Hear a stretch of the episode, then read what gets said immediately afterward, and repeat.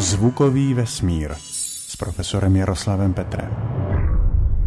Způsob rozmnožování blanokřídlého hmyzu je dobře známý. Všichni ho známe například od včel. Víme, že pokud se má vylíhnout samička z vajíčka, tak je potřeba, aby tohleto vajíčko bylo oplozené a pak záleží na tom, jak ta larvička bude krmená. Jestli bude krmená víc mateří kašičkou, tak z ní bude budoucí matka včelí, plodná samička. Pokud bude od této diety oproštěná, tak se stává to, že se vyvine dělnice, která je neplodná. Pokud včelí matka klade neoplozená vajíčka, tak se z nich vyvíjejí samečkové trubci. Z toho také vyplývá, že dělnice a včelí matky mají dvě sady dědičné informace, jednu dostávají od tatínka a jednu od maminky, zatímco trubci mají jenom jednu sadu dědičné informace, kterou dostávají výhradně od maminky. Bez oplození spermí se tam tatínkova dědičná informace samozřejmě nedostane. Blanokřídlý hmyz na celé planetě ale vyvinul k téhleté základní strategii celou řadu zajímavých variant. A jednu z nich teď popsali německo-švýcarští vědci, vědci z německo-švýcarského týmu u mravence, který české jméno nemá a latinsky se označuje jako Anoplolepis gracilipes. Někdy se mu také přezdívá žlutý bláznivý mravenec žlutý kvůli zbarvení a bláznivý, protože když jsou tihleti mravenci vyrušení, tak pobíhají jakoby bezhlavě, zmateně kolem. Takže tihleti mravenci, když se dělali u nich genetické testy, tak se zjistilo už dřív, že samečkové mají od jednoho genu dvě různé kopie což naznačovalo, že tihleti samečkové mají dvě sady dědičné informace. To na první pohled vůbec nedává smysl, protože pokud u mravenců k něčemu takovému dojde, že se u samců sejdou dvě sady dědičné informace, tak tihleti samci jsou neplodní. Takže to byla velká záhada a tu se teď povedlo rozluštit. A výsledek je překvapivý, protože samci skutečně mají dvě různé dědičné informace ve svém organismu, přitom v každé buňce ale mají jenom jednu sadu dědičné informace a jsou tedy normálně plodní. Jsou poskládaní z různých buněk a splňují tedy definici živočichů, které označujeme jako chiméry.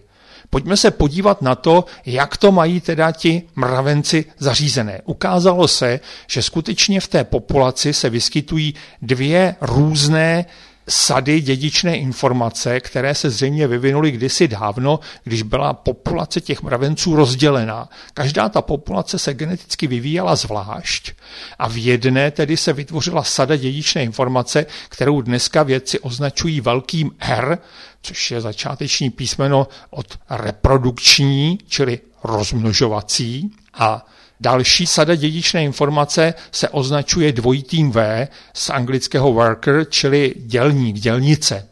A Tyhle ty dvě sady dědičné informace se dostaly do jedné populace, když ty původně oddělené populace mravenců se opět spojily a smísily se. A ustanovil se tam zvláštní systém určování pohlaví. Pokud se sejdou tedy v dědičné informaci dvě sady s tím označením R, tedy dvě reprodukční sady dědičné informace, tak se bude vyvíjet samička a ta samička bude plodná, bude to tedy mravenčí královna. Zajímavé je, že pro vznik dělnice je potřeba, aby se spojily dvě různé sady dědičné informace, tedy ta R a dvojité V, to znamená dělnice má konstelaci dědičné informace RV, mravenčí královna má konstelaci RR.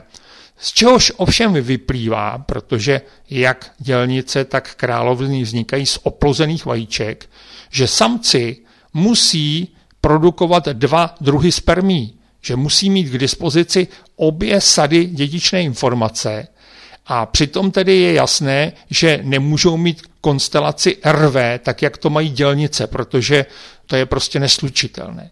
Tohle tu záhadu vědci rozluštili ve chvíli, kdy se podívali na jednotlivé buňky v těle těch mravenčích samečků. ukázalo se opravdu, že každá buňka má jenom jednu sadu dědičné informace, a to buď v jedné buňce R a v jiné buňce sadu s dvojitým V. To znamená, tenhle ten organismus je poskládaný z buněk, které nesou buď jenom tu reprodukční sadu, a nebo jenom tu dělničí sadu. Znamená to, že v tomto případě vzniká sameček z oplozeného vajíčka.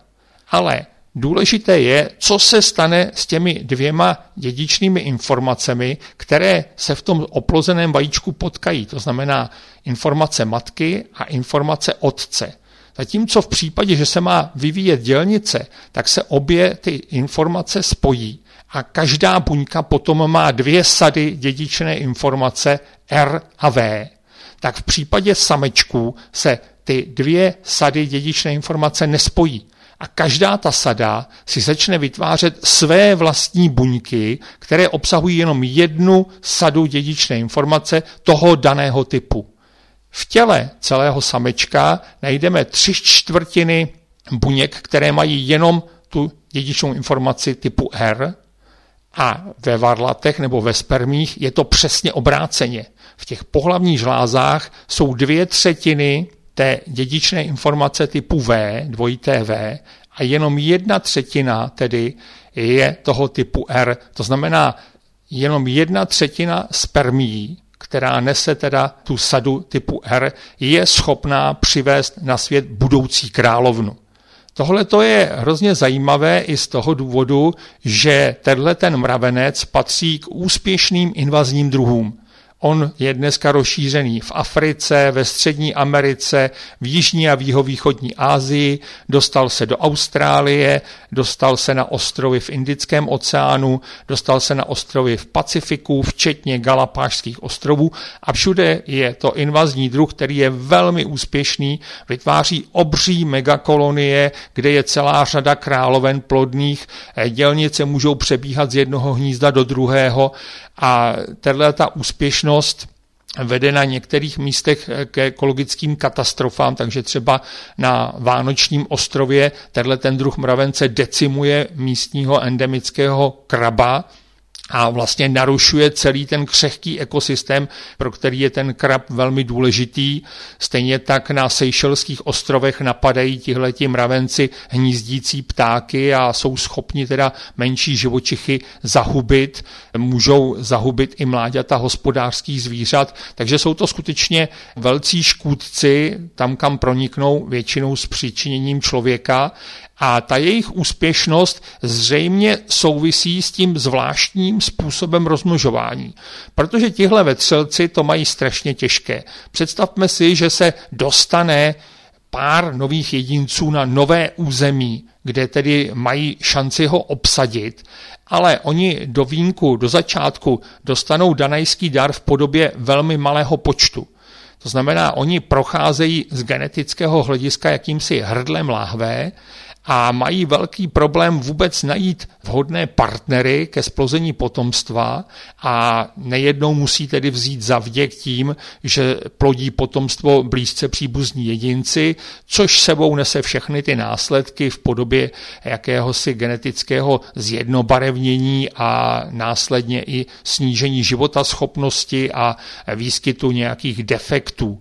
Takže tohle to všechno musí ti vetřelci vlastně splnit, musí se s tím vypořádat a zvláštní způsob rozmnožování, kterého jsme svědky u toho žlutého bláznivého mravence, tomu může napomoct, protože, jak už jsme si řekli, jsou tam dvě různé sady dědičné informace, které se původně vyvinuly separátně a teď jsou tedy promíchány. Tohle to spojení dvou různých dědičných informací známe v rámci druhu při takzvané hybridizaci, když se spojí dědičné informace geneticky poměrně odlišných jedinců jednoho a téhož druhu, tak ti jejich potomci bývají životaschopnější. Říká se tomu hybridizační efekt. A využívá se to třeba i při šlechtění rostlin nebo při šlechtění živočichů. A tady tedy máme tuhletu hybridizaci vlastně zajištěnou existencí těch dvou sad dědičné informace, té R a té s dvojitým V. A další výhoda je, že vlastně sameček nese v sobě přestože může mít jenom jednu dědičnou informaci, tak nese v sobě oba dva typy té dědičné informace. V těch různých buňkách to tam má prostě poskládané, takže stačí, aby se dostal na tu novou enklávu jeden jediný samec a on tam přinese oba dva typy té dědičné informace. Královna je tam přinést nemůže, ta má tedy dvě sady toho typu R, ale jakmile se tam potká jedna královna s jedním samečkem, tak ten sameček tam tu chybějící sadu dědičné informace typu dvojité V dovleče, dopraví a zajistí tedy tu heterogenitu, tu genetickou různorodost té nové invazní populace a dá jí vlastně do vínku schopnost prosadit se tam a ovládnout ten prostor, který se jim nabízí. Další příspěvky zvukové přílohy vesmíru najdete na vesmír.cz lomeno zvukem. Děkujeme za pozornost.